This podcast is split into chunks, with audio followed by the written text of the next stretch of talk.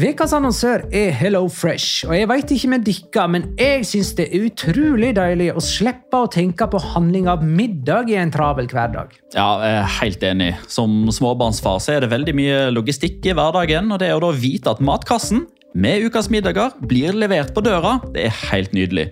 Da slipper du impulskjøp på butikken når blodsukkeret er lavt, og når du kommer hjem, kan du bare ta ut posen med dagens ingredienser fra kjøleskapet og sette i gang matlaginga. Ja, Du kan velge mellom 25 ulike retter hver uke. Og de har faktisk en egen kategori som heter Raskt og enkelt, med masse enkle og gode oppskrifter. Veldig greit å ikke måtte ty til takeaway hver gang det er hektisk på jobb. Jeg gleder meg spesielt til sterk chilikylling i min neste kasse. Jeg blir sulten bare av å tenke på det. Ja, Det er ikke feil med bacon og cheeseburger heller, da. Og det som også er bra, er at matkassen koster det samme hver uke, som gjør det enklere å holde matbudsjettet. Ja, og så blir det ikke matsvinn heller, fordi du får akkurat det du trenger til hver eneste rett. Hello Fresh kan absolutt anbefales, og bruker du koden vår, LIGALOCA, kan du få opptil 1779 kroner i rabatt på de fem første matkastene hvis du ikke har prøvd Hello Fresh tidligere. Du kan også prøve koden hvis du har avslutta abonnementet ditt for tolv måneder siden eller mer. Gå inn på hellofresh.no og bruk koden LIGALOCA. Bon appétit! Hallo? Jeg kommer fra Oslo politikammer. Ine Jansen er purk. Er du purk? The motherfucking bitch. Alt jeg vil, er å finne ut hva som skjedde med mannen min. Jon Carew. Er jeg sikta for noe? Iben Akeli. Det er du. Ole So, Lars Berrum og Big Daddy Karsten. Hvem sin side er du på, egentlig? Anette Hoff, Tone Danielsen, Kommer du fra Afrika? Jørnis Josef, Nesten. Kløfta. Trond Espen Seim. Det er synd å si det, men det var feil mann som døde. Purk. Premiere tirsdag på TV2 Play.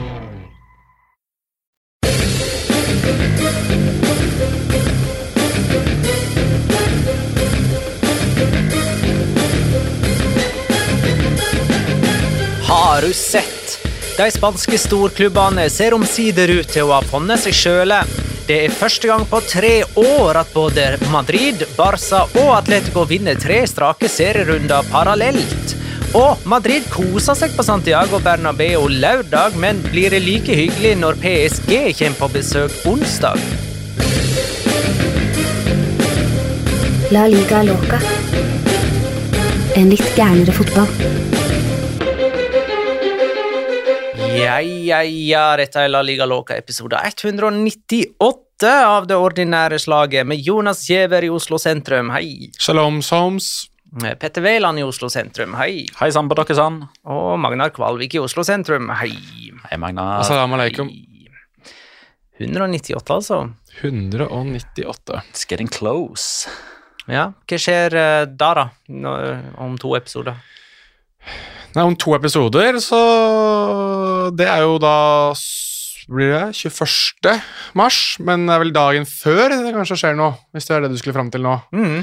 Ja, Det er jo helt klassiko, da. Det er jo Real Madrid mot, uh, mot Barcelona, og i uh, den anledning så har vi fått uh, booket et rom på fotballpuben Ball, som ligger i Møllergata. Der skal i hvert fall jeg være, og jeg gjetter på at både Du fant den puben som var nærmest uh, soverommet ditt? Det gjorde, nei, det gjorde jeg ikke. Det er den ikke. Det er en som er nærmere. Uh, den heter Orlandos. Dit skal vi ikke. Dit ikke Du kompromissa litt. Ja, tenkte det. Jeg tenkte at det først og fremst måtte jeg finne et sted som hadde noen fotball, uh, som viste fotballkamper. Ja. Uh, og det er nok nærmeste mitt Og hyggelige folk som driver det. Og hyggelige folk som driver det. Det er jo Toshi og de som driver fotball-TV. eller han som er med og driver fotball-TV, som også driver ball.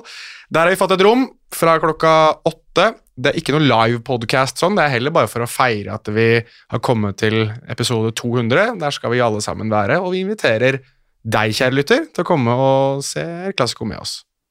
Da er det på stell. Eh, Skal vi smalltalken unna sånn elegant med å også invitere folk? Ja. Det er gratis inngang, for så vidt. Det er også verdt å ta med. Ja. Ja. Nei, men da sees vi på ball, for de som kan. Det, du må nesten være i Oslo. Fra klokka åtte, for så vidt. Det er også verdt å ta med. Ja. 20. mars. 20. mars. Greit. Da har ikke jeg mer smalltalk på tapetet. Ikke jeg heller. Eh, eneste eh, som er litt interessant å nevne før vi går i gang med runde 27 kamp for kamp, er at kommende serierunde så spiller Atletico mot, eh, mot eh, Cádiz på fredag og Real Madrid mot Mallorca på mandag. Så hva er det som plutselig har skjedd der med Atletico og Real Madrid som får eh, kjipe dagene? Altså, Atletico Madrid er jo flytta for å ha bedre, altså mer slingringsmann inn mot returkampen mot Manchester United. Som blir påfølgende tirsdag, da. Ja, eh, og så har jo Real Madrid spilt onsdag, så de skal få litt mer hvile i etterkant, får man vel tro. Men ja, det er et eller annet som skurrer der, fordi som regel så er fredag- og mandagskampene i utgangspunktet reservert til Atletic, Español og Celta og deres motstandere eh, når de ikke møter lag som spiller i Europa. Men eh, mot slutten av sesongen så finner man eh, Da tar man noen, noen spanske iblant. Runde 27, kamp for kamp, så eh, eller ser sånn ut. Alaves Sevilla 0-0. Det var fredagskampen denne runden. Det var den eneste målløse kampen, i alle fall så langt. Det er vel ikke sånn kjempe odds for at det blir skåringer i Atletic Levante mandag kveld. Tipper det blir og en, en 0-0-kamp. Ringen Eh, slutta. ja. Um, Alaves eh, lå og ligger vel fortsatt òg nest nederst. Eh, Sevilla eh, lå og ligger fortsatt nest øverst, så selvfølgelig skulle det bli 0-0 her. Sevilla hadde 72% ballbesittelse i første omgang og likevel null skudd på mål, så man skulle nesten tro de spilte mot et Mendelibar-lag. Sevilla har ti uavgjorte denne sesongen. Ingen har vunnet La Liga med så mange uavgjort siden Real Madrid hadde tolv uavgjort i 2002-2003-sesongen, så det går an. Det, det, det går an, selv om det hører sjeldenhetene til. Eh, nei, altså Sevilla er nede på tannkjøttet nå. Eh, med tanke på hvordan de framstår, eh, med tanke på hvor mange skader de har. At det ikke er noe energioverskudd. Eh, alt, alt ser liksom så tungt og traust ut. Vanligvis har man liksom klart å vri disse her kampene i sin favør. Og så har man reist derfra med 1-0, og så har man karakterisert det som en sånn eh, Loppetegi masterclass, eh, vinne uten å imponere osv. Eh, men jeg må jo si det at det er litt sånn, det er sånn små jeg vet ikke om det er småtypisk, men jeg observerer det, jeg legger det bak øra, at eh, Sevilla skal jo møte Westham nå til uka. Så det er jo litt sånn Som regel, hvis jeg havner i disse at, kjedelige, veldig sånn eh, ja, stereotypiske ligadiskusjonene eh, Det begynner heldigvis å bli en stund siden. Det, har ikke vært så, eh, det, er ikke mange, det, det er ikke så mange som tar initiativ til det lenger når de spanske lagene ikke gjør det bra, paradoksalt nok. Men hvis det er liksom sånn uh, Westham-supportere eller Premier League-entusiaster som satser ned for å se Sevilla denne kvelden fordi de skal ha litt mer inntrykk av laget før de møter Westham Jeg kan begynne å skjønne litt hvor den der eh, La Liga er dårlig hvis ikke Real Madrid og Barcelona greier å komme fra. Bitte litt. Kontrasielt meldt av Petter, syns jeg. Ja. Synes ikke det Ja, Men akkurat den kampen her var jo helt grusom. Ja, men det er jo ikke Sevillas feil, det. Det er jo Se de spiller mot, da. Ja, ja, ja altså jo, Litt jo. Sevilla sin feil, dere. det. Jeg vil- jeg det er si at- noen lag som har klart å slå Alaves ganske greit. Jeg vil si at det er litt 95%. skyldfordeling her. eh, At den kanskje er i stor grad uh, Alaves. 95, 95% Alaves, 5 okay. Sevilla. Litt sånn som ball possession var i første omgang, som du var inne på her. Ikke så langt unna. Sevilla er nå åtte poeng bak ligaleder Real Madrid, men altså det er på en måte ikke Sevilla sin oppgave å kjempe mot Real Madrid om den uh, ligatittelen. Uh, uh, Sevilla sin oppgave er å vinne Europaligaen, og nå er Westham deres fokus. Sånn er det. De må hvile i serien. De har oppnådd sin uh, topp fire-plassering. Det er de mer enn nok fornøyd med. Jo, men den andre plassen er sånn vakuum nå. Altså, Det er for langt opp, og det er enn så lenge fortsatt så langt ned. Uh, At når Loppetegi nå skal begynne å prioritere, så er det ikke noe som helst tvil om hvor han bør legge eggene. Ja, ja, det er klart, men uh, altså, de har en kamp mer spilt enn Barcelona, så de er potensielt bare fire poeng framfor dem. Uh, jeg jeg tror de skal få kjempe om den andreplassen til slutt. Eh, Ja, ja, det, det, altså, jeg, jeg tror ikke de kan bare cruise den inn. Eh, men akkurat nå, når du da har Westham, Raya Vallecano, Westham, og man har per definisjon sju poeng på Barcelona, det er bedre å ha poeng enn kamper til gode. Mm. Eh, og da går vi videre. Osasona Villarreal 1-0. Chimi Avila, matchvinner for Osasona. Det var han òg da Osasona slo Villarreal på La Ceramica i oktober. Eh, Altså, Chimi Avila Altså, jeg, har, jeg begynner å få et litt sånn eh, veldig sånn ambivalent forhold til han. Jeg, jeg, kan, jeg kan forestille meg Her kan jeg bare forestille meg, men eh, man legger jo merke til eh, i reality, i sånne såpeserier, i, i filmer Bør jeg velge et, hvor du skal hen? et inntrykk av at jenter liker liksom bad boys.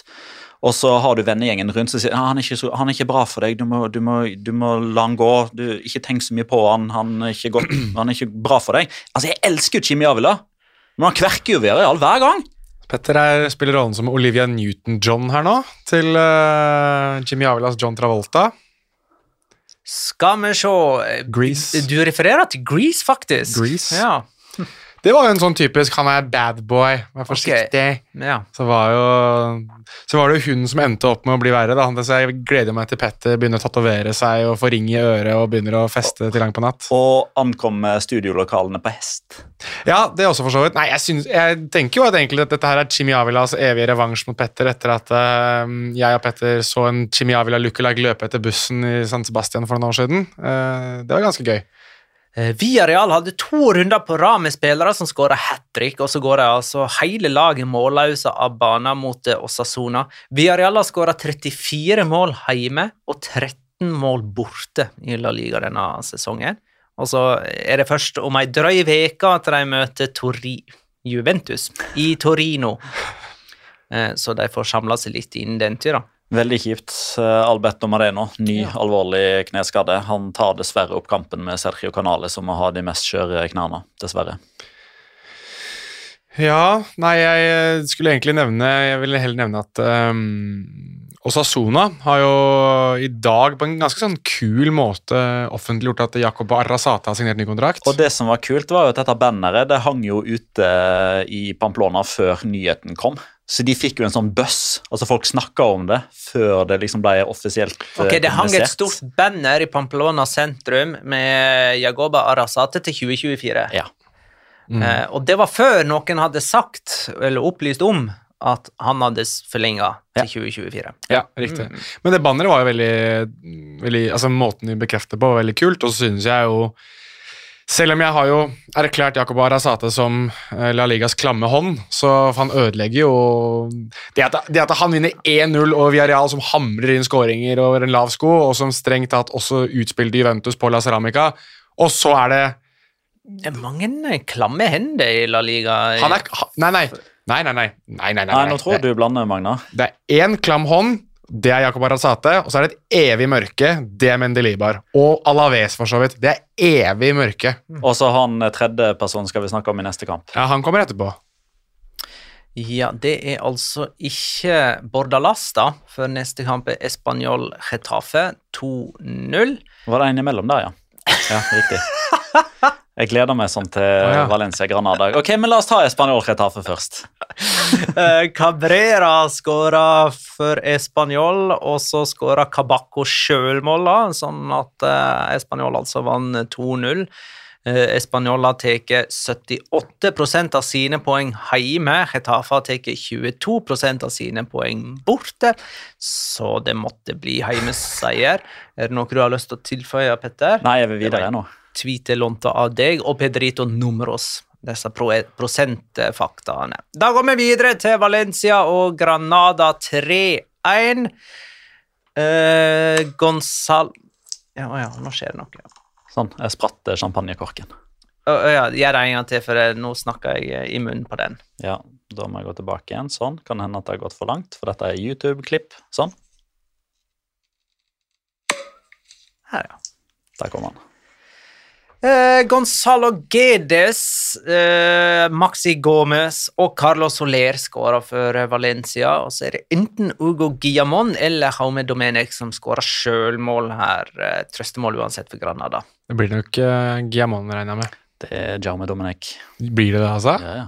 Han som endrer retninga og er sist på ballen. Ok, ja vel. Jeg driter i det. Det er resultatet av det her jeg vil snakke om.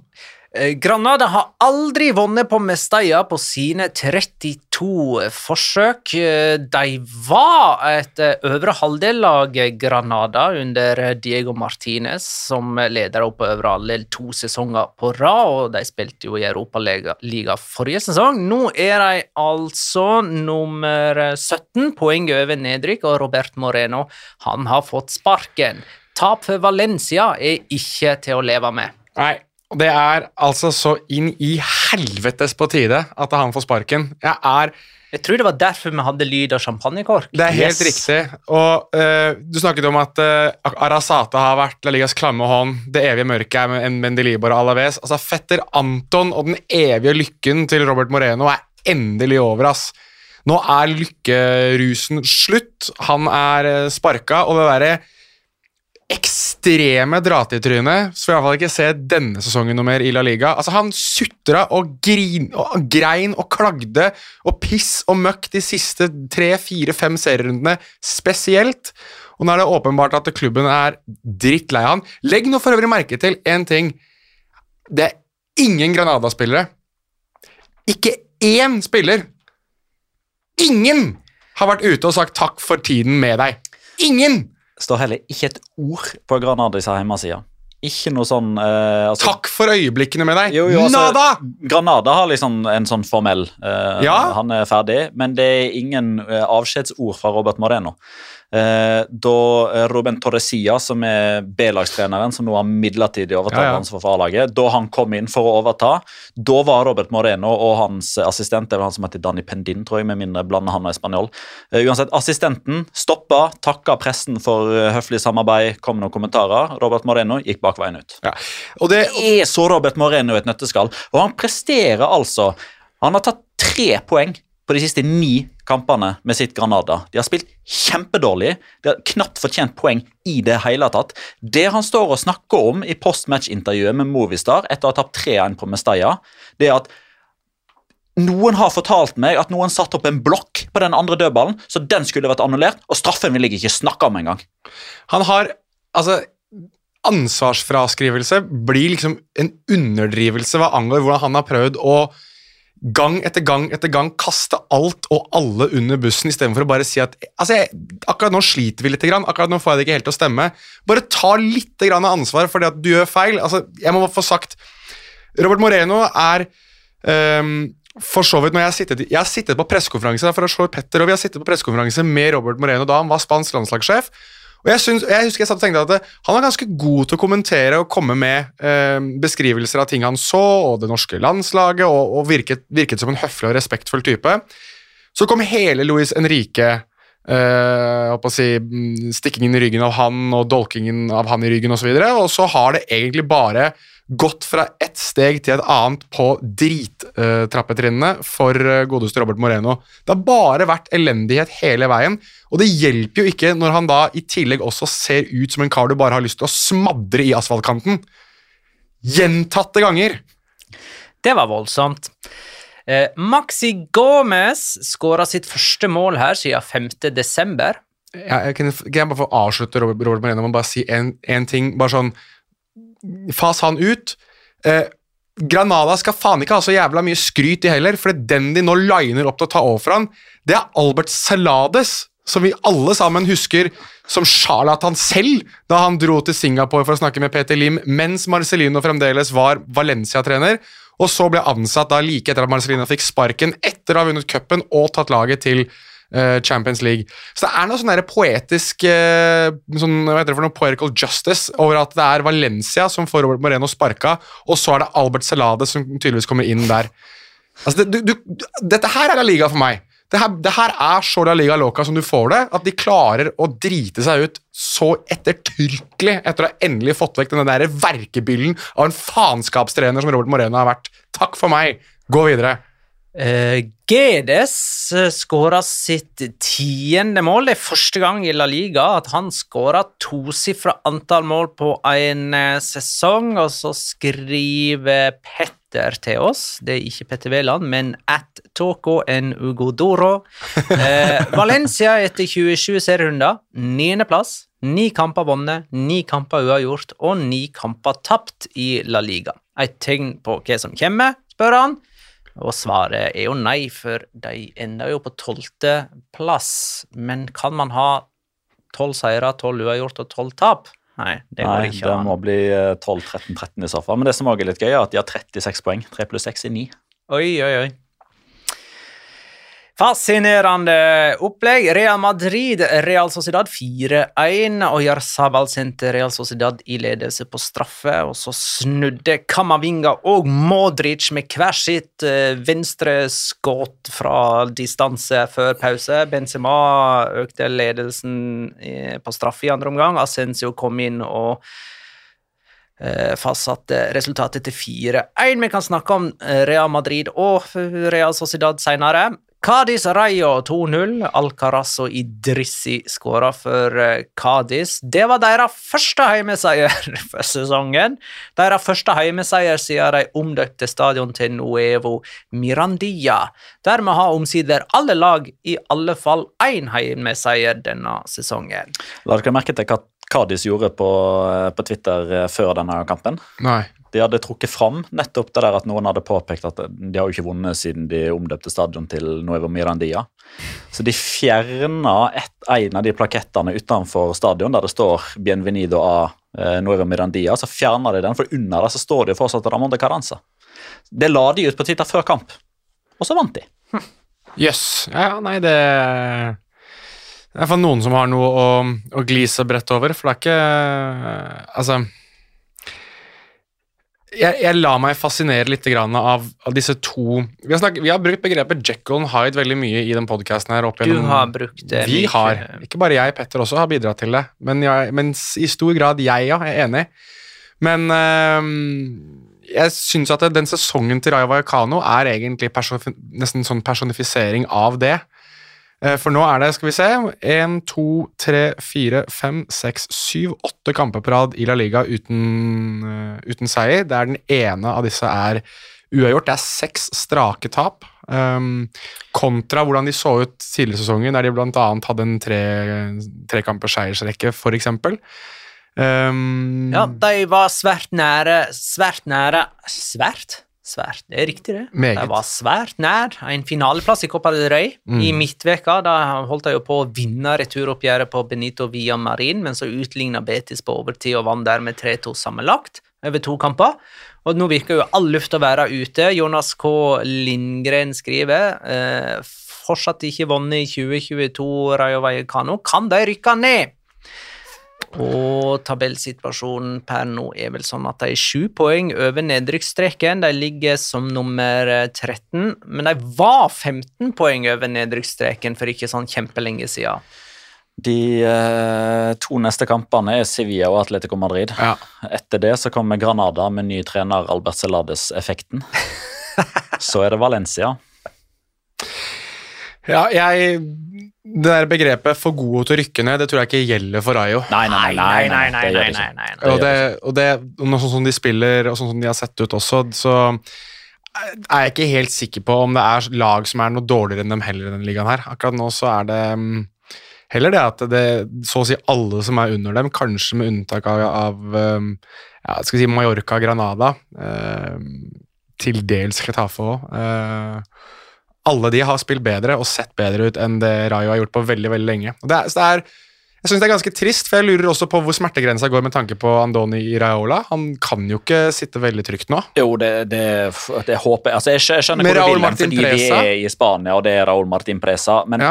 men jeg, jeg vet liksom ikke altså, Det kan jo hende at du, at du sier det litt sånn i overført betydning, og at du er veldig resultatorientert, men jeg syns jo ikke de har vært så dårlige spillemessig i det siste. Jeg syns de har hatt en del stang ut, bokstavelig talt. Altså, de siste én, to, tre, fire, fem, seks Sju kampene så har de hatt mer enn to tosifra altså de har tosifra antall avslutninger. Ja, ja, ti avslutninger hver eneste kamp. Riktig. I den ene kampen der de avga poeng mot skal vi se, hvor er åttetallet, mot Atletic Club, så hadde de 29 avslutninger, men Ja. klarte ikke å vinne. Jeg er jo ikke uenig. Altså, De ser jo bra ut, la meg korrigere meg selv, men nå mener jeg at det, det går bare ikke deres vei. og Nei. da er veldig ofte løsningen, i hvert fall for de som sitter over treneren, er jo å sparke treneren for så å håpe på en ny effekt. Jeg synes jo, jeg er helt enig med deg med tanke på hvordan de har prestert, hvordan de presterte i fjor også i, i Segunda, og hvordan også Andoni Raola styrte Mirandes, så er det ganske åpenbart at det Dette er en stor trener hjemme. Ja, nettopp. Og han kommer til å, å,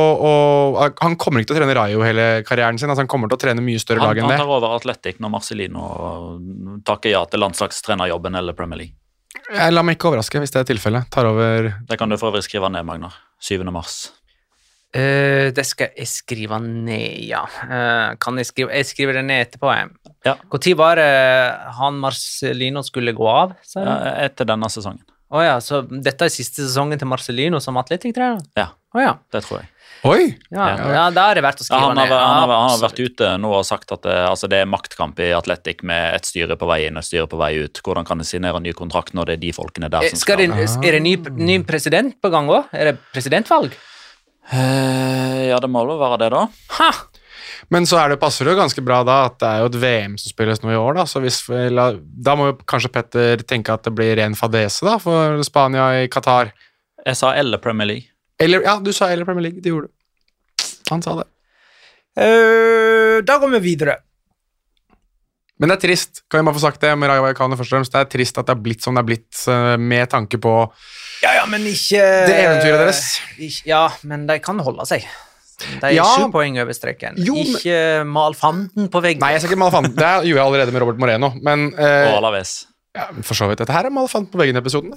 Ja, uansett, det er greit å få ut all dritten på en mandag. Eh, poenget mitt var at eh, på så kort tid da, så har Ayo gått fra å være en klubb som har spilt eh, cupsemifinale De var i diskusjon om europaplasser, og, og nå ser de ut til å kunne være en klubb som faktisk må kjempe mot nedrykk. Det syns jeg er eh, veldig trist, da. Elche Barcelona 1-2. Der sendte Fidel Elche i eh, ledelsen, men så kom Ferran Torres inn og utligna. Memphis Depay ble matchvinner for Barcelona med straffe. Det var Memphis Depay som òg framprovoserte den straffen, var ikke det det? Med den hensen på Ja. Barragan. Vi kommer tilbake til det seinere. Celta Vigo, Mallorca 4-3. Skal Rundens kamp. skal ikke vi ha ekstraepisode om den? Dramatisk oppgjør på Balaidos. Mallorca klarte å utligne en Celta Vigo-ledelse tre ganger. Altså 1-1, 2-2, 3-3. Den siste utligningen kom på straffe etter hens og rødt kort på Ugo Mayo i det 87. minutt. Og da gikk Mallorca for seier med 11 mot 10, men i stedet så hensa de i egen 16-meter, og Jago Aspas satte inn 4-3 i det sjuende tilleggsminuttet.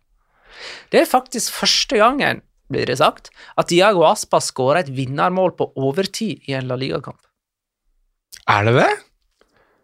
Jeg Altså må- Hvis noen sier det, så må jo det stemme. Ja, nei, det kan være at det Jeg tror det var Oppta José som leverte Han- den. Ja, og Mr. Chip uh, leverte jo òg følgende fun fact, at den straffeskåringa til, uh, til Jago Aspas, som kom etter 96-14, er den Altså, det er den straffeskåringa som har kommet seinest i en La Liga-kamp for å gi et lag en seier. Altså, Vi husker denne Valencia Real Sociedad eh, serieåpning 2018-2019, var det, da Mikael Øyasaba skåra på straff i det 99., men han sikra bare uavgjort. Ja, stemmer. Så 96-17, seneste tidspunkt et straffespark har blitt satt i mål for å avgjøre en kamp i et lags favør. Ja, den kampen her var sånn etter at det, Virkelig? Mm. Jeg tror, ja. Skåra ikke Barcelona liksom 15 minutter på overtid mot Español, der eh, det var brann på Munchuic og greier? da? Men det var til 2-0, var ikke det det? Ja, det kan godt hende. Men var ikke det Jeg mener den faktaen der til Pedrito Numeros var noe sånn at det er den seneste skåringen siden et eller annet. Men eh, det kan godt hende at jeg tar eller husker feil.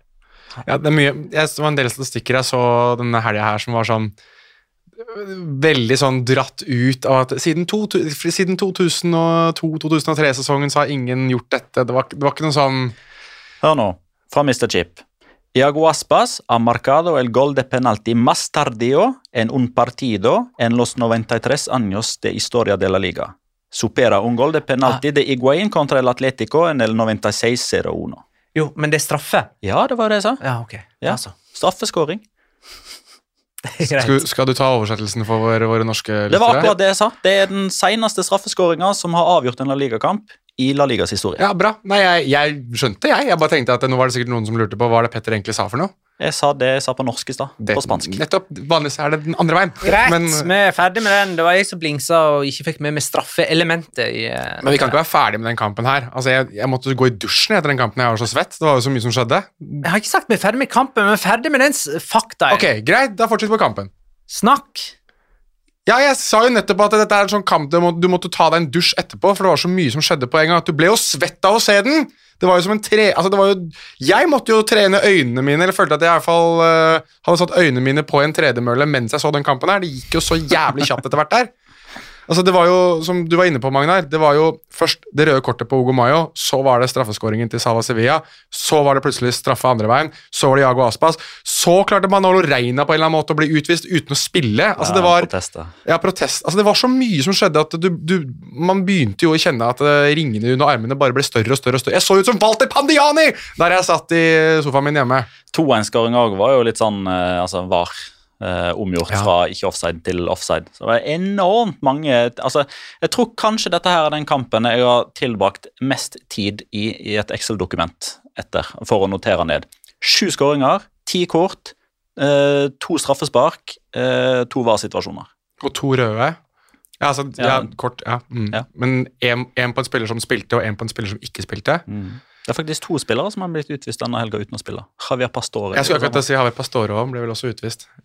Det, var ikke det noe vi snakket om nylig, at det, det hadde ikke skjedd At det gjerne var folk i uh, At de jeg fikk gule kort. At uh, de som som regel fikk rødt kort, var uh, sånn støtt, støtteapparat og delegat? All, delegater all, alle sånn. på benken Uh, får veldig mye oftere rødt kort, direkte rødt kort for protester kontra de som er utpå. Og Det er jo pga. adrenalinaspektet her. Du har ikke den unnskyldninga om at du er full av adrenalin når du sitter på benken. Du var dum. Du er bare en tulling som fortjener rødt kort. Sjølmål hadde denne kampen òg. Josef Eido brysta ballen elegant inn i Ja. ned stolperota. Det er det fineste sjølmålet jeg har sett på ei stund. Ja, enig. Who wants to score an own goal? I do. Hey. Salva Sevilla er Mallorcas toppskårer med fire skåringer. Alle har kommet på straffespark. Eh, De har tapt sine fire siste seriekamper og er bare to poeng over nedrykksstreken. Vet du hva, Magnar? Nå skal jeg eh, Du snakket jo om Nå skal jeg redde litt inn det der du sa om at Husker at Adama Traoré-greiene skulle være ferdig etter tre uker? Nå vet jeg hvor du skal hen. Du vet hvem jeg skal inn på er nå? Vedat Morici moro. Jeg er ferdig. Vedar Moric-moro. Altså, jeg har sittet og hylla han som liksom den nye rambukken i La Liga, og at dette her er en attraksjon og for en spiller og sånn. Ah, ah, ah, eh, eh. Det, var, det var din Hadde du bare sagt Vedat Morici istedenfor Adama Traoré, så hadde du hatt helt rett, for det der, det er ferdig nå. Jo, men Magnar også kan jo slå seg litt på brystet nå. Dama tre starta på benken og bidro ikke noe særlig når han kom mot Elche, så festen er jo kanskje over der òg. Han er en attraksjon for det. For nå, nå har nemlig Dembélé tatt den posisjonen tilbake, så nå er Adama Traoré backupen til Dembélé. Så det vi basically sier her, er at du nå driver og lobbyerer for at den der påstanden din om at uh, Osman Dembélé skulle bli en, uh, en stjernespiller igjen og bidra til at uh, Barcelona tar Champions League Det var Petter, ja. Ja, ja, det var Petter, og din påstand var at Traoré kom til å være slukna etter tre uker. Dere, dere hjelper hverandre nå? For at Ja, ja, vi gå- går hånd i hånd inn i solnedgangen, vi nå. Ja, ja, bra det. Real Betis Atletico Madrid endte 1-3. Sjau Felix skåra to mål før Atletico Thomas Lemar skåra ett. Christian Tøyo hadde Real Betis sitt mål. Den kommer vi straks tilbake til. Jeg skal bare nevne at Atletic Klubb Levante ikke er spilt når denne episoden blir spilt inn. Men eh, Atletic Levante blir spilt mandag eh, klokka 21. Mandag 7. mars. Ok, vi kan begynne med Betis Atletico. da. Det var jo en skikkelig fotballkamp, det òg. Man blir jo like svett av den som Celta Vigo og Mallorca, faktisk. Ja, var første omgangen syns jeg var veldig svettebetungt. Ja. Eh, Felix har skåra sju mål på sine siste 13 kamper for Atletico, etter å ha skåra fire mål på de forrige 44. Det er en kul statistikk. Der har du Joao Felix i et nøtteskall. Han har sånne gode perioder, han, der han eh, plutselig er eh, sjølskreven i startelveren, og så etter hvert så er Luis Suárez tilbake med sine tunge steg. Ja, de er tunge.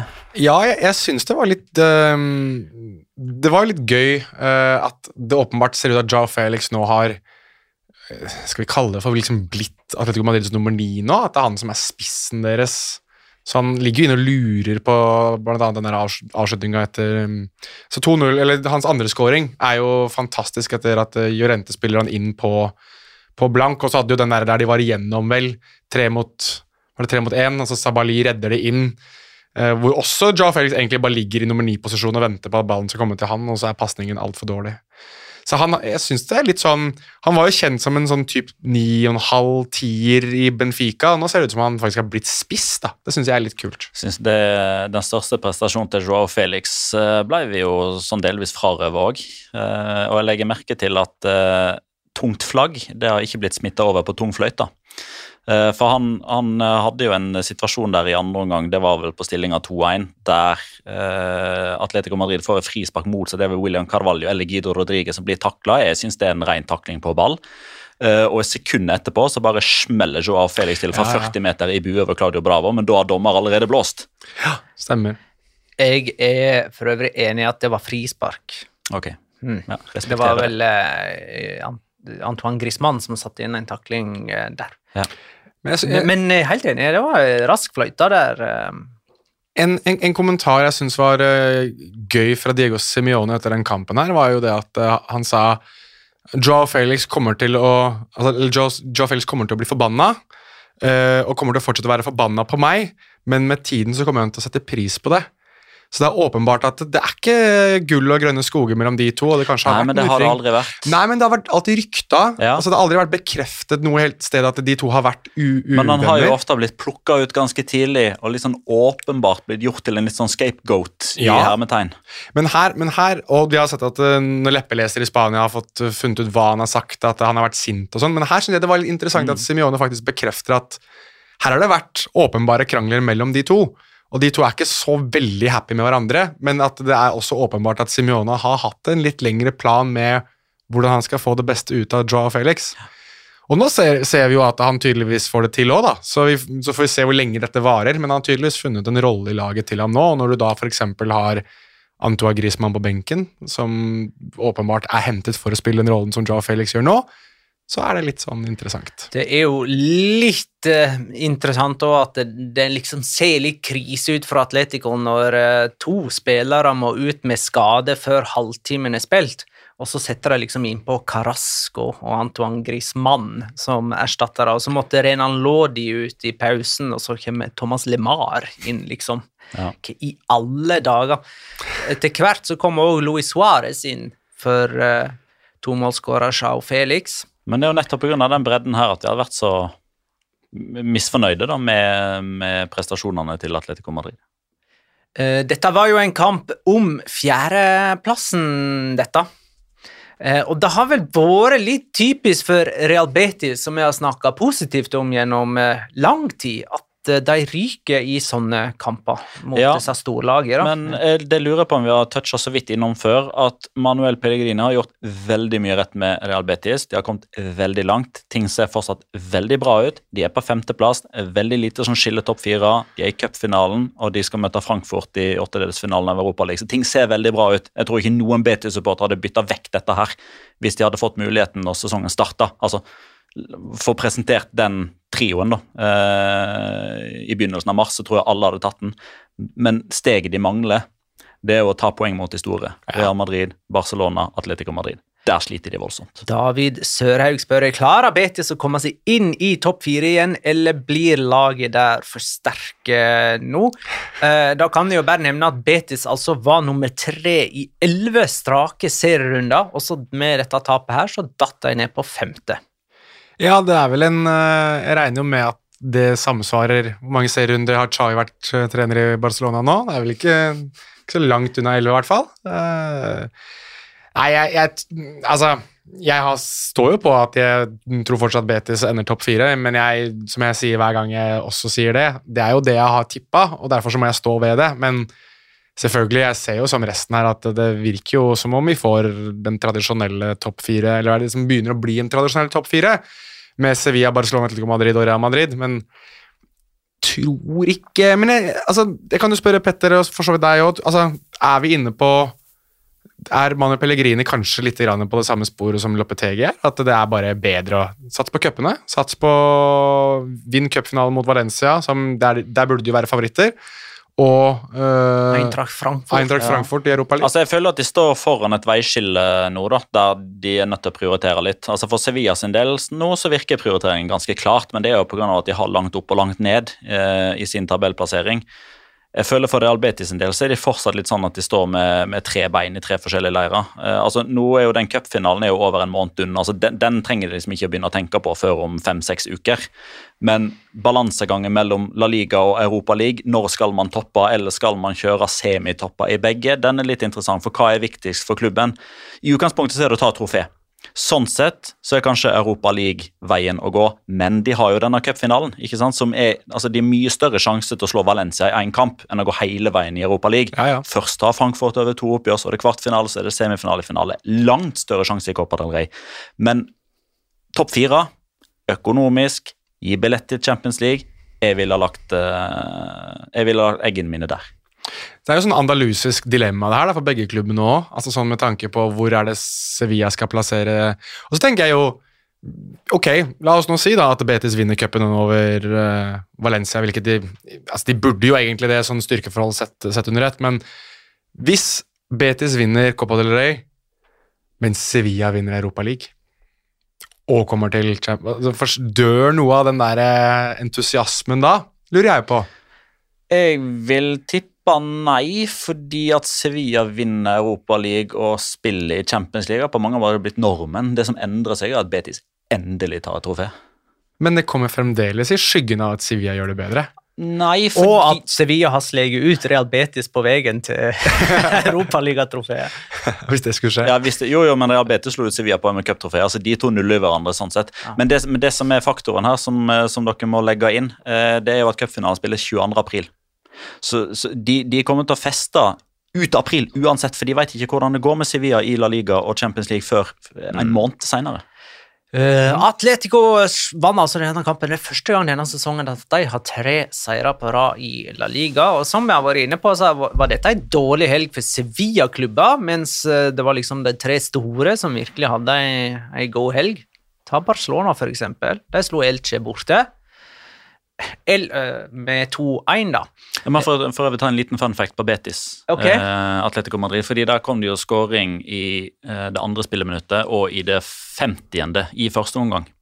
Eh, det er den eh, Å ja, største strekninga, sikkert. nest, nest lengste perioden mellom skåringer i én omgang i 2021-2022-sesongen. Det var 48 minutter og 35 sekunder mellom to skåringer i samme omgang. Eh, den eneste som har vært eh, lenger, det er 1-0 og 2-0 for Levante mot Elche. Roberto Soldado og José Luis Morales. 50 minutter og 22 sekunder mellom. Santos de Goy. Og Santros. Santos det Eh. Elche Barcelona 1-2, altså. Eh, Elche har hatt to gode kamper mot Barcelona og tapt begge. Her leder de 1-0, men tapte 2-1. Eh, på kamp nå så sto det jo 2-2 eh, ganske lenge fram til Nico satte inn 3-2 til Barcelona eh, fem minutter før fulltid. Var ikke det første gang Elche hadde skåra på kamp nå på sånn 40 år òg? Jo, det stemmer det. Og når de tok ledelsen her nå, så var det første gang på noe, Jeg husker ikke eksakt, men det er Pedrito Numeros eller Mr. Chip som kommer der. Det Første gang de leda mot Barcelona på noe sånn 50 år eller noe sånt. Eh, jeg tror det må ha vært siden 1974, for Elche har fremdeles ikke sleget Barcelona siden 1974. Det kan, ja, det kan ha vært det. 48 år, stemmer det? Mm. Ja. Um, Memphis Depayo kom inn. Ja. Han, eh, både Memphis Depay og Ferran Torres kom inn og skåra for Barcelona, noe som betyr at de siste fem målene til Barcelona er skåra av innbyttere. Life hack til Chavi. Gjør trippelbytte etter fem minutter. Bare start med Ferran Jutgla, S. Abde og Elias Akmak, og så bare hiver du inn på eh, Dembélé, Aubameyang og eh, Ferran Torres. Eh, ingen lag har tatt så mange poeng i 2022 som Barcelona. De har tatt 20, altså av eh, La Liga-lag. Dette var en kamp med ufattelig mange sjanser. Mm. Det var mange gode kamper denne helgen her i La Liga, og her hadde keeperne liksom utrolig mange gode redninger. Det var skikkelig keeperprestasjon over hele linja. Ja, Badia hadde et par enorme redninger her. Og så Ja. hadde jo Ter Stegen en helt på slutten nå fra Var det Boyer? Var det ikke det? Var- Carillo, tror jeg. Carillo var det kanskje. ja. Og, og Ferran. Torres han skåra riktignok, men han fortsetter jo å brenne eh, gigasjanser dem. Ehm, vi kan jo ta denne, dette patronspørsmålet fra Johannes Hva blir det? Borchgrevink? Borchgrevink? Nei, Borchgrevink. Borchgrevink. Er han i slekt med Christian? Det må han gi, gi oss beskjed om. Borch? Grevink. Christian, Borch, Christian Borchgrevink spiller jo i Vålerenga. Dikka lo Dette skriver Johannes. Dikka lo av Barcelonas overgangsmarked, og de var ikke nevnt i gjennomgangen av januarvinduets potensielle vinnere. Har ikke endra mening nå. Barcelonas fire nysigneringer har allerede 14 målpoeng etter kun noen uker i klubben. Og da tror jeg vi kan ligge til ett målpoeng på Ferran Torres nå denne helgen, sånn at det blir 15. Mm. Eh, er det januarvinduets vinnere? I retrospekt så ser det jo definitivt sånn ut, med tanke på hvor de var da januar starta, og hvor de er nå når det er mars, og bidragene deres. Eh, Jeg skal være den første til å si at jeg er overraska av at alle fire har slått til så, i så stor grad og så raskt. Eh, Og det er primært pga. at jeg er overraska over at Chavi har omstilt seg sånn som trener. Eh, ikke det at han har gått vekk fra grunnprinsippene, men at han åpenbart viser ganske stort spenn i sitt trenervirke. Fordi han har jo gjennom hele spillerkarrieren sin, i måten han har uttalt seg Han har hatt eh, masterclass på YouTube der han har blitt eh, intervjua av unge trenerspirer som har brukt det i oppgaver osv. Han har jo vært helt ekstrem på dette her med ballinnehav. Det du gjør med ballen er helt avgjørende, kombinasjonsspill osv. Men det er jo, det er jo altså, når det virkelig svinger Barcelona nå, er jo når de får satt i gang overgangsspillet sitt. Mm. I tillegg til at de åpenbart behersker det å spille med ballen i lag òg. Ja, det var jo vel nevnt på El Chiringuito at øh, hvem, var det, hvem var det som snakket om det, da? Ja, en, en av dem, selvfølgelig en av de som er pro Real Madrid, som nevnte at han ser at han minner veldig om José Mourinho. I, altså Lagene hans minner mer om José Mourinho, og det er noen likheter da, med tanke på den der enorme kontringsevnen som Mourinho sine lag hadde i Real Madrid, og som åpenbart at Chávez sitt lag også har. da, At de har eh, litt den der evnen til å spille i høyt tempo og pasningsspill i høyt tempo da i overgangsfaser.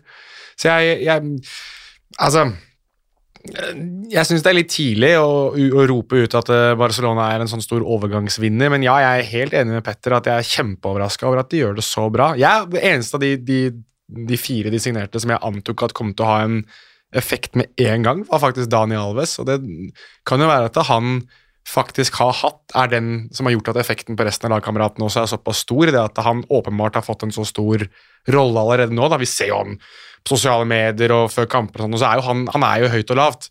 Og, det, og En sånn type er ekstremt undervurdert å ha i en garderobe, tror jeg. Ferran Torres tror jeg nok alle regner med kom til å bli en suksess. Men han er kanskje den som har eh, nå- mest å gå på. Ja, men nå, med en gang, trodde han skulle bli en suksess med en gang? Ja. Du trodde det? Ja. Jeg trodde ikke det. Jeg, Jeg trodde han, altså, i, I den forstand at han skulle rett inn på laget Ja, det, ja. og bidra i form av, av målpoeng. Men sånn sett er det kanskje han som har mest igjen å altså, jeg, jeg Han har mest å gå på. kanskje han skulle ha de målpoengene som Aubameyang og Traoré har nå. Mm. Ja, nei, jeg ser hva du mener. Jeg, jeg, Aubameyang er den som har overrasket meg mest, faktisk. Altså, Traoré, Traoré har alltid vært god på det han er god på nå. Det er bare at du ser det litt jevnere nå, egentlig. En Sånn, altså, han presterer på, det, på jevnere nivå nå enn han kanskje gjorde i Wolves, så det jo, har jo litt å gjøre med at uh, han spiller også litt høyere i banen. Han var jo mer en sånn wingback i, i Wolves, og tidlig litt høyere i banen. Men Aubameyang syns jeg nevnte det vel om det var forrige episode eller episoden for der, at han ser ut som en spiss som er perfekt i det systemet som Chavi prøver å, prøver å bygge. Ville de ikke snakke om hens og sånt, eller? Altså, For det var en hens på Baragan som, eh, Som ga ga Barcelona straffe, som Memphis satte inn eh, på overbevisende vis til 2-1. Eh, Og så var det en armberøring og på Jordi Alba like etterpå, ja. som de ikke ble dømt eh, hens på. Nei. Personlig har jeg ikke noe problem med å skille de to. Nei, jeg Altså, for å ta det første først, da. Baragan sin hands er klink. Altså, Det er sånn typisk Baragan-tull som han har tatt med seg egentlig alle klubber han har spilt for. Ja, Det, det som er greia her, da, og og årsaken til at det er klink hands, at det er hånd som søker ball Ja, aktivt. helt enig. Eh, så har jo jeg, som jeg reklamerte for på Twitter, jeg så jo den gjennomgangen til tidligere toppdommer Itoralde Gonzales, som fortalte om altså, hva det skal dømmes på og litt sånn forskjellig. Eh, Petter har jo for så vidt forklart det han i podcast tidligere, men jeg synes også det var litt sånn opplysende å høre det fra Han brukte jo Itoralde Gonzales brukte jo eh, begrepet altså Jesus, Jesus korsfestelse. Altså hvis du har hendene ut, strakt ut til siden, så handler det veldig om hendene strukket ut til siden som en form av en naturlig bevegelse. Altså at du på en måte er inne og skal stoppe en ball og dermed gå hånda opp som en del av den naturlige bevegelsen. Eh, eller ikke. Altså, hva- har- hånda en formål for der den er, annet enn at du prøver å balansere eh, kroppen din? Og gjorde det i Albas tilfelle her, så jeg, er det greit å, å vurdere at han kanskje rett og slett bare skal holde balansen når ballen kommer i høy hastighet, og at den treffer hånda hans. Det jeg lar meg fascinere litt av Um, Og jeg vet at nå kommer sikkert Petter med en oppklaring som er helt grei og helt uh, Men vi kan ikke bruke så veldig mye tid på dette. Nei, men jeg skal bare forklare at jeg skjønner ikke hvorfor ikke VAR her bare sier til dommer Gå ut og titt på den, bare. Bare selv at du i hvert fall har sett på det her. For at det her kommer til å bli et helvete hvis ikke du går ut og ser. Gjør det til en skinnhellig prosess.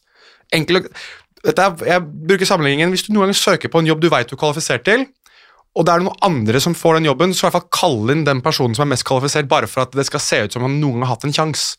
Gi dommeren en sjanse til å blåse straffe, selv om du egentlig er enig med deg selv om at det er egentlig ikke noe vits å kalle han inn på VAR. Men jeg, jeg synes det blir, da, da syns jeg det blir altfor mye var. For her gjør jo dommer korrekt i utgangspunktet. Hvorfor skal han da ut for å bare se det på en skjerm for å bli enda mer sikker, når det sitter en VAR-dommer og sier at her har du tatt helt riktig? For jeg, tror, jeg tror at uh, supportere og folk som ser fotball, inkludert meg selv for så vidt òg, Ja, sliter, sliter med den regelen der. Ja, men Da skal jeg komme med en brannfakkel. Det å tolke hens- hens-regelen nå, det er det samme som mattefaget på videregående og ungdomsskolen. og sånt. Det er sånn, eh, jo, men folk tenker vet du hva, dette, jeg, jeg, jeg klarer ikke tall, jeg kommer ikke til å ha bruk for det senere i livet, så jeg vil ikke forstå det. Jeg synes det er vanskelig. Det er akkurat, Beklager for at jeg tar deg personlig nå. Det er litt sånn når det er litt sånn det er litt sånn når meg og deg sitter i fiken. Og du kaller dette her for noe, ja, dette er noe piss, og bla, bla, bla. Det er fordi det ikke interesserer deg, og du forstår det ikke med en gang, og da blir det noen ganger litt vanskelig å skulle sette seg inn i det og forstå det. Sånn er det med folk flest når det gjelder hens, og derfor er hens-regelen så betent. Fiken er altså det regnskapsprogrammet som vel, vi vel har reklamert for her i La Liga Loca. Og det er som, helt går fantastisk! til de som, Ja. som blir brukt av de som har små selskap, små firma og enkeltmannsforetak, som, som dere har, f.eks. Fiken har hjulpet meg kjempemye, det, men jeg syns fortsatt det er vanskelig å forstå innimellom. Problem, og jeg synes, men jeg synes at fiken er mye enklere å forstå enn hens-regler. Det er helt greit. Ja. Ja. Oi, det var egentlig litt overraskende etter frustrasjonen du har uttrykt den siste veka. Men, men, Ja, Hvor lenge har ikke jeg uttrykt frustrasjon over hens-regelen, da? Uh, ja, nei, lenger enn uh, den veka du har brukt det på å finne ut hvordan du fakturerer. Mm, Fikk det er jeg, sant. men fikk jeg fakturert? Ja, det har Har du du gjort. betalt? Ja, det, det, det, det god. internt. Mathias Haga lurer jo på hvorfor eh, Sabali Hensen ikke blir gjort noe med Ja, det- i Real Betis Atletico-kampen, siden vi er nå på den hens-tingen Ja. Det, det er der jeg mener at vi er, jeg, jeg mener det er der problemet ligger med hens-regelen denne helga her. Ikke det at det ble hens til Baragan, eller hens på Baragan og ikke hens på Jordi Alba i den samme kampen. Eh, når Fidel Chávez og Peremia da er ute på henholdsvis i intervjusetting etter kamp og ute på sosiale medier i etterkant, dette er to Elche-spillere, og, og sier at det er ikke like kriterier og vi savner informasjon og bla, bla, bla, bla, bla. da er det jo nettopp pga. sånne der. Men Elche-spillerne kan ikke være indignert over at Real Betis ikke får straff, eller at Atletico Madrid ikke får straffe senere på kvelden. Nei. Men jeg, jeg skjønner at Atletico Madrid føles seg snytt, fordi det er nøyaktig det samme som skjer der. Det er en aktiv bevegelse av Sabali mot ball. Han endrer retninga, den går ut til, kass, går ut til corner. Jeg vil bare igjen få sagt dette her eh, når det kommer til hands. Måten jeg tror du løser veldig mye av dette på, i hvert fall når altså både hands og var, for så vidt også, eller situasjoner som vurderes av var, legg ut alt sammen på YouTube etterpå. slik at folk kan, slik at, Sånn som de gjør i Sør-Amerika. ja, Så alle kan høre hva er det dere har dømt på, Mm. hva er det dere ikke har dømt på, og hvorfor har dere dømt, og hvorfor har dere ikke dømt. Real Madrid, Real Sociedad 4-1. Det betyr altså at Real Madrid har åtte poeng ned til Sevilla og cruiser nå inn eh, La Liga-tittelen. Um, Tony Crosser inn Sergule. Og så er kanskje Tony Cross ute eh, mot eh, PSG, som Real Madrid skal møte nå onsdag denne veka. Jeg tror vi hopper rett på den problemstillingen der. er Kim Allergodt skriver tanker om kampen mot PSG, med og uten Cross. Hvordan vil ei midtbane av f.eks. Fede Valverde, Camavinga og Modric klare seg mot PSG? Men skal vi utelukke Cross helt? Nei, vi kan ikke utelukke Cross helt, fordi han er touch and go. Eh, Så det kan hende han spiller, og kan ikke han spille. Men jeg hadde mange observasjoner av det samme eh, i løpet av eh. Jeg så det før kamp, da noen predikerte at nå i kveld kommer Real Madrid til å spille sin beste fotball på lenge. Underveis i kampen så, så jeg veldig mange som skrev sånn kommer det til å se ut så lenge Tony Cross er skada. Og etter kampen så leser jeg mange som eh, på mange måter forklarte resultatet. Tony Cross var ute. Og felles for alle de som predikerte, som fastslo og som konkluderte, er at de mener at Tony Cross er ei sinke i pasningsspillet til Real Madrid. Ja, for disse mente at her spilte Real Madrid en god kamp Ja. mot Real Sociedad Ja. uten Tony Cross, Ja. og det er en eh, Forbløffende mange. fordi eh, La oss si det siste halve året eh, så, har, så har jeg fulgt sånn noenlunde de, de, de samme folkene. Det er Noen har droppa følger fordi de har vært inaktive osv. Så, videre, så har jeg lagt til noen. Men det er den samme kall det Real Madrid-kjernen som uttaler seg i min Twitter-feed underveis i kamp, som jeg er innom tett og ofte. Og jeg bare la merke til at her, var det så nærmest unison eh, enighet. Eh, det var norske Real Madrid-supportere, det var engelskspråklige journalister, eh, det var høvdingene i Real Madrid-pressen der nede som også konstaterte det samme. De tør jo naturligvis ikke å si at det er pga. Tony Cross, men det var bare sånn hm, Legger vi merke til det samme her? Altså, enormt mange som poengterte det samme. Og jeg syns det er veldig interessant, fordi det har jo på mange måter vært litt sånn opplest og vedtatt at Tony Cross er så god og er så viktig. Mm. Og nå er det mange som mener at Real Madrid ser bedre ut uten. Det er interessant. Jeg glemte å nevne i farten her at Casemiro er jo òg ute til dette oppgjøret, og derfor så er det jo Kim Allegot lanserer av Fede Valverde, Camavinga og Modric som midtbanetrioen. Alt tyder jo på at det blir det, gjør det ikke det? Ja, med mindre vi får en eller annen sånn rar kombinasjon av ting vi ikke har sett før, men eh, Carlo Ancelotti er veldig sånn kalkulert når det kommer til Altså, han går med det han kjenner, da. Eh, og jeg syns Kamavinga hadde en, en overraskende god kamp, sånn egentlig sett i lys av at han har vært veldig mye sånn hakkekylling en periode, at vi hadde nylig et spørsmål fra en, en lytter om, om det prosjektet var på vei til å Fikk jo endelig sjansen nå, da, i den rollen han i utgangspunktet er best i. Nettopp. Og Kamavinga har jo hatt gode opplevelser mot PSG før, han. Han ble vel i sin debut for renn som 16-åring, så ble han vel man of the match. Så han, eh, han vet jo hva som skal til tydeligvis for å stoppe PSG. Men jeg, jeg tror nok det er, eh, det er en midtbanetrioen du får. Spørsmålet er jo litt om den midtbanetrioen er strukturert nok når de skal møte et lag som er veldig gode kontringsmessig. Så spørs det jo da om Kylian Mbappé rekker kampen, for nå har han blitt skada på trening mandag. Uh, I hvert fall har det vært bilder av at uh, Idrissa Gana Gay har tråkket han noe ettertrykkelig på foten. Så ja. Uh, Real Madrid må vel uansett spille mer ambisiøst i denne kampen enn det de gjorde i Paris. Eh, De tapte altså 1-0. Paris Saint-Germain hadde 21 skudd, og Donnarumma hadde ingen redninger i det oppgjøret. Eh, Neymar spilte ikke, så hvis eh, Mbappé er ute nå, så må altså Paris Saint-Germain nøye seg med Neymar og Messi og Di Maria og Verratti og de der, liksom. Icardi og um, er, er, er ikke Mendy også suspendert? Ja, så da har du Marcelo, da, som skal spille venstreback, kanskje. Nei, altså det, det, er um, det, Jeg tror det kan bli en morsom fotballkamp, da. Jeg tror det kan svinge ganske mye begge veier. Um, så, så jeg anbefaler jo de fleste å bare ha det som primærkampen man ser på på onsdag, vel. Um, men nei, jeg, jeg tror um, Jeg tror at du får, uh, får Modric, uh, Kamavinga og, og Valverde, men jeg, det, jeg, det jeg lurer litt på da, er hvem, hvem av de tre er det som skal være anker? Eh, Jeg kan ikke se for meg, altså Kamavinga kan ikke være anker, vær så snill. Det, han er jo for god til å ligge så dypt. Eh, altså, Han er jo ikke for god, men han, du begrenser han så veldig. Valverde tror jeg ikke klarer å spille en sånn rolle, og Modric tror jeg ikke er kjapp nok i beina lenger til å spille en sånn rolle. Så det er derfor jeg lurer litt på om vi kanskje får en form for eh, Omvendt trekant, da. Nei. Ja, Det kunne vært gøy. Det, men da, da, da må du jo uansett bruke enten Fede Valverde eller Kamavinga som dypere, sammen med Modric. Ja, du må nok det, men Militao og Alaba er jo kjappe nok til å komme opp og liksom ta ut det rommet som de etterlater seg. Så det Nei, det er mye spennende her. Det er mye spennende her. Eh, siden det for, forrige møtet mellom Real Madrid og Paris Saint-Germain, så har Real Madrid vunnet alle sine tre kamper, mens Paris Saint-Germain har én seier og to tap, senest nå i helgen mot eh, Nis, var det? Ja, Neymar klarte jo Holdt jo på å fly tottene på Amin Weiri på slutten der. Da Weiri kjørte en sånn rainbow flick over hodet på Neymar, som Neymar bare har gjort en karriere ut av både i Brasil og for så vidt i både Frankrike og Spania også. Eh, så Det blir spennende å se. Uh, jeg kan jo nevne da at Benzema med sin straffeskåring runda 20 mål denne sesongen. Det er fjerde sesongen på rad han skåra 20 i La Liga. Det er sjette sesongen totalt eh, så lenge han har vært i Spania at han runda 20 mål. Mm. Benzema og Venicius har til sammen 67 målpoeng denne sesongen. Ja. Skal vi kanskje nevne, nevne et ord eller to om uh, motstanderen deres her òg, eller? Eller er det ikke en vits i å nevne dem? Nei, det er faktisk ikke det. Gå videre. Glem Real Sociedad, vær så snill. Det hadde, her hadde de ikke et forsvar heller, for så vidt. Og da er det ingenting å prate om.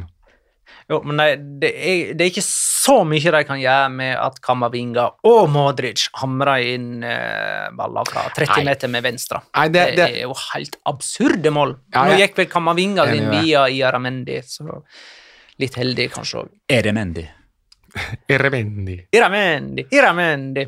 Jeg er enig, for så vidt, men uh, Bare få sagt det om, om Real Sociedad. Altså, jeg, jeg sa jo før sesongen at det store spørsmålet deres kommer til å være det forsvaret, at de har ikke gode nok forsvarsspillere.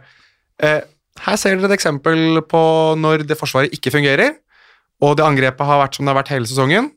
Da er det veldig Men det er jo ekstremt enten-eller med Real Sociedad. Ja, ja, ja. Enten så er det fire baklengs, eller så holder de nullen. Ja. Det fins knapt noe ting imellom. Vi må kåre rundens spiller. -hmm. Tredjeplass i Jonas sin. Ja, det er jo Altså, Carlos Soler er jo den utvalgte her, og det er jo eh, litt i forlengelsen av at han også endelig har eh, Når du har da to assist og en scoring på straffe, og er den som setter den endelige spikeren i kista for det der helvete som Robert Moreno har drevet med i Granada, så føler jeg nesten at du burde være på førsteplass.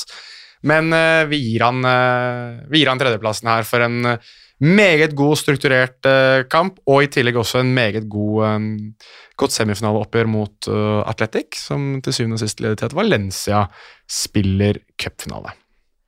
Andreplassen, andreplassen, andreplassen går til Iago Aspas. Um, han hadde òg to mål, og, eller han hadde to mål og én målgivende. Så um, knepper det bitte litt opp da, fra Carlos Soler. Newsflash, Ila Liga Loca setter mer pris på mål enn målgivende. Ja, Nummer én ja.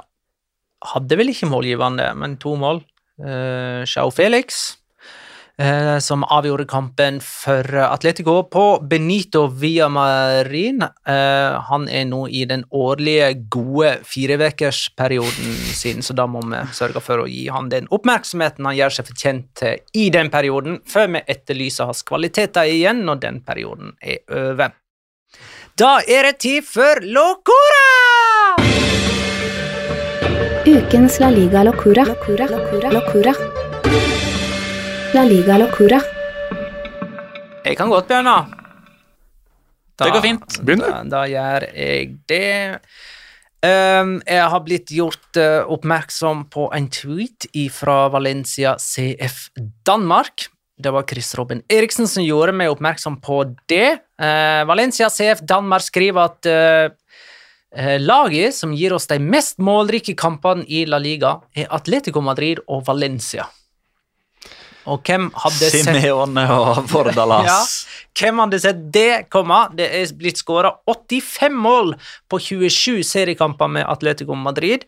Og så er det blitt skåra 84 mål på 27 seriekamper med Valencia. Det er for øvrig det samme som det har blitt skåra i kampene til Real Betis, men det er jo naturlig. Det kunne vi se for oss skulle skje, men at Atletico og Valencia skulle gi oss de mest målrike kampene i denne ligasesongen. Fortell oss at det er en litt annerledes sesong, dette her. Det er det. Uh, jeg, jeg, jeg fikk bare sånn innstendig trang til å gå og sjekke målforskjellen til Leeds eh, og Marcelo Bielsa. Eh, 29-60 hadde han på sine eh, 26 kamper, så det, det nærmer seg. Bordalas og Simeone er snart Bielsa. Eh, ja, Jonas, er du Nei, neste jeg, mann? jeg kan ta nummer to, jeg, for jeg har også fått tilsendt en locora fra Chris Robin Eriksen. Oi sann. Eh, og det er, egentlig, det er egentlig litt vanskelig å ta muntlig, fordi det er en video. Uh, men det er altså da Det er jo allikevel en litt sånn locora-ting. Uh, og det er på, på tribunen i Cádiz, i oppgjøret mellom Cádiz og Rayo Vallecano. fordi radio, eller Videoklippet starter med Andoni Iraola som står og klapper. Eh, han for, eller han er jo treneren til Reio, Så da regner jeg med at det er derfra og at det er denne helga. Det er altså en ball som har havnet opp på tribunen, og der sitter det en godt voksen mann. Eh, og han har på seg eh, Jeg vet ikke hva man kaller det for. men det er, altså, Hvis du går på tur i skogen og for eksempel har kikkert, så har du gjerne kikkerten i en sånn kikkertveske. Rumpetaske, akkurat. Jeg, Nei, ikke rumpetaske, for den, den knepper du jo rundt magen. Mm. Han har den her rundt halsen, så det er liksom en sånn eh, Ja, sånn som du har kikkerten i, eksempel. Ja, Uten rumpe. Nakketaske, skal vi kalle det for det. Uh, den er ganske liten. Og denne stakkars mannen forsøker jo febrilsk, og jeg tror først at det er liksom tull at han skal prøve å få ballen nedi her, for det ballen havner på tribunen. Men så etter hvert så blir han ganske smådesperat og sitter liksom og rister prøver å få denne ballen ned, mens folkene rundt og bryter ut i latter. Uh, så det var litt uh, små crazy at, uh, at han virkelig forsøkte å få den store ballen ned i den lille kikkertnakketaska. Og det klarte ikke han. Nei! For det er, det er fysisk uh, umulig. Hva har Chris Robin sendt til deg, eh, Jonas? Han har sendt den der til meg òg. Det var den jeg skulle ha, så takk for at du tok den, Petter.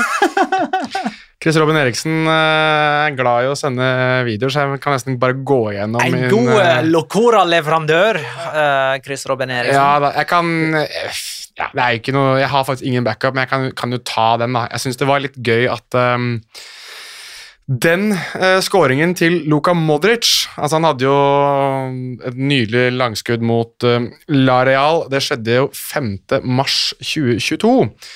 Hvis du skrur klokka nøyaktig ni år tilbake, altså 5. mars 2013, så hadde jo Luka Modric også et langskudd som ble ganske avgjørende. Den gangen for Real Madrid, i sin første sesong for Real Madrid, på Old Trafford mot Manchester United. José Mourinhos Real Madrid mot sir Alex Fergusons eh, Manchester United. Det var jo da eh, Modric som byttet inn idet Nani ble utvist, og dermed sikret avansement for Real Madrid. Den gangen skåret også Cristiano Ronaldo for Real Madrid mot Manchester United. I dag spiller Cristiano Ronaldo for Manchester United. Den gangen så gråt Cristiano Ronaldo da han spilte for Real Madrid mot Manchester United fordi han hadde forlatt Manchester United til fordel for Real Madrid. Og da Mourinho sa at det beste laget tapte, og alle tolka det som en smisking mot United, eller for å få United-jobben, eh, som han jo gjorde seinere. Nå skal vi tippe. Har noen trenere imellom der, ja? Det var to trenere imellom. Ja, men han fikk nå den jobben, da. Blant annet han som sa den. Real Betis Atletico var vår forrige tippekamp. Den endte 1-3 med Sjau Felix som første målskårer. Jeg hadde 1-2 med Renan Lodi som første målskårer. Det gir ett poeng. Petter hadde 0-2 med Grismann som første målskårer. Det gir ett poeng. Jonas hadde 1-0 med Juanmi som første målskårer. Det gir null poeng. Jeg har 28, Petra 17, Jonas har 14. Og neste kamp er Getafe Valencia. Lørdag kveld klokka 21. Kanskje for... er det her skal tippe kort istedenfor uh, mål? eh, Det kan hende vi må gjøre lytterne våre oppmerksomme på at dette kommer til å bli et høyt oppgjør. Eh, for eh, liksom sånn Getafe Valencia, det det er ikke den kampen eh, liksom den gjennomsnittlige La Liga-interesserte setter seg ned for å se. Helge for El Clásico, liksom. Men det var jo, det var jo åpningskampen i denne sesongen her. Det var jo Twitch-debuten vår. Og det starta jo med rødt kort til Ogo Guillamon etter hva var det, åtte sekunder eller noe sånt. Ikke så drøyt, men eh, et par minutter tok det, og så var Ogo Giamon utvist. Og det endte vel til slutt på ti gule og to røde, tror jeg. Og det, det er det vanlige i disse oppgjørene her nå. Det er en kamp det kommer til å skje mye i. Eh, jeg sier Getafe Valencia 1-2. Carlos Soler. Jeg tar Retaffe Valencia 1-0. Tidlig skåring av eh, Enes Unal. og så blir det bare slåssing etterpå. Ja, nei, jeg eh, Skal jeg gå for da? Eh, nei, vet dere hva? Det har vært mye negativt, så da går vi tilbake til, til en god gammel klassiker, for her blir det 0-0 garantert! Ingen målskårer. Da sier jeg eh, bare takk for at du lytta, kjære lytter. Ha det, da!